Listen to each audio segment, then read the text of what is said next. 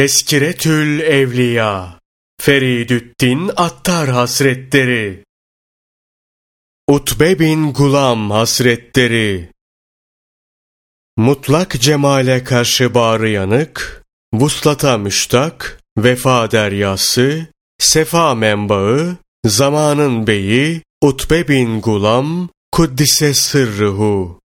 Gönül ehli olup, fevkalade nuraniydi. Bütün dillerde övülmüştü. Hasan-ı Basri, Kuddise Sırrıhu'nun şakirdiydi. Bir zamanlar Dicle'nin kenarından giderken ayağını suya bastı ve yürüdü gitti.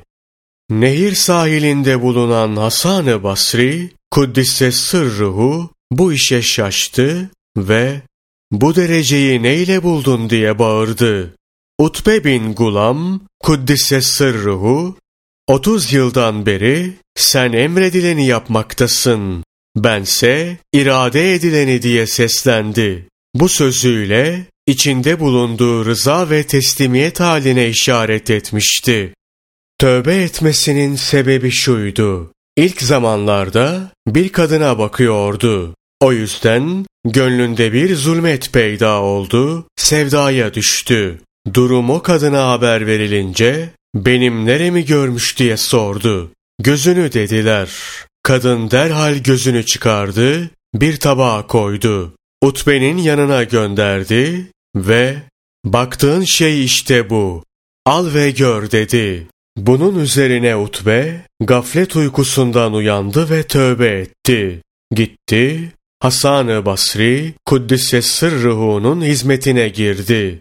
Öyle bir mertebeye ulaşmıştı ki arpasını bizzat kendi eliyle eker, biçer, döver, un haline getirir, yoğurur, güneşte kuruturdu. Haftada ancak bir tanesini yerdi. Hep ibadetle meşgul olur ve haftada birden fazla abdesthaneye gidersem kiramen katibinden utanırım derdi. Havaların çok soğuduğu bir gün Utbe, Kuddise Sırrıhu'yu görmüşlerdi. Üzerinde sadece bir gömlek olduğu halde duruyor ama bedeninden su gibi ter akıyordu. Bu ne hal böyle diye soranlara şöyle anlattı. Vaktiyle bir cemaat misafir olarak bana gelmişti. Elimi yıkamak için komşunun şu duvarından bir parça toprak almıştım. Ne vakit bu duvarın yanına varsam, mahcubiyet ve nedametten benden bu kadar ter akar. Gerçi helal de ettirmiştim ya. Abdülvahid bin Zeyd'e, nefsiyle meşgul olduğu için, halkla meşgul olamayan birini hiç gördün mü diye sormuşlar. Demiş ki, evet, böyle birini tanıyorum. Bu zat şimdi kapıdan içeri girecek dedi ve o anda Utbe radıyallahu an içeri girdi. Utbe bin Gulam radıyallahu anha sordu. Yolda giderken kimi gördün? Hiç kimseyi dedi. Halbuki yolu pazardan geçiyordu. Naklederler ki yemek yemediği, su içmediği hiçbir zaman yoktur ki gıdasının az olduğunu gören annesi ona nefsine rıfkla muamele et dememiş olsun annesine şu cevabı verirdi. Anneciğim, ben de onun rahatını istiyorum.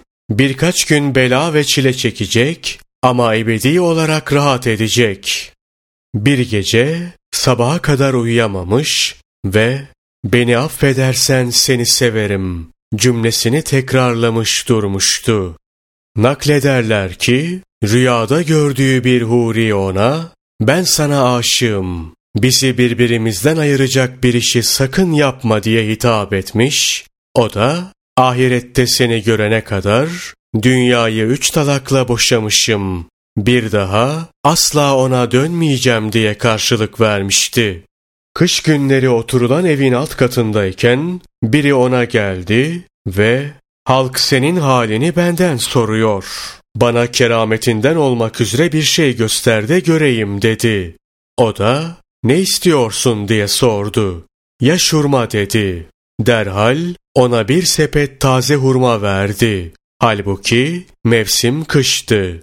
Naklederler ki Muhammed bin Semmak, Zünnun, ve Rabia'nın Allah Teala bunlara rahmet eyleye yanında bulunurlarken yeni bir gömlek giymiş olan Utbe bin Gulam böbürlenerek içeri girdi. Muhammed bin Semmak Kuddise sırruhu bu ne yürüyüş böyle dedi. Utbe bin Gulam Kuddise sırruhu nasıl böbürlenerek yürümem ki? Benim adım Gulam-ı Cebbar'dır. Cebbar'ın kuluyum. Kahhar olan Allah gibi bir efendim var dedi. Bu sözü söyler söylemez yere düşüverdi. Baktılar, ruhunu teslim etmiş. Yüzünün yarısı siyahlaşmış bir halde rüyada gördüler ve durumu sordular. O da anlattı. Bir zamanlar üstadımla giderken yolda gördüğüm bir oğlana bakmıştım. Hak Teâlâ benim cennete götürülmemi emredince yolumuz cehenneme uğradı.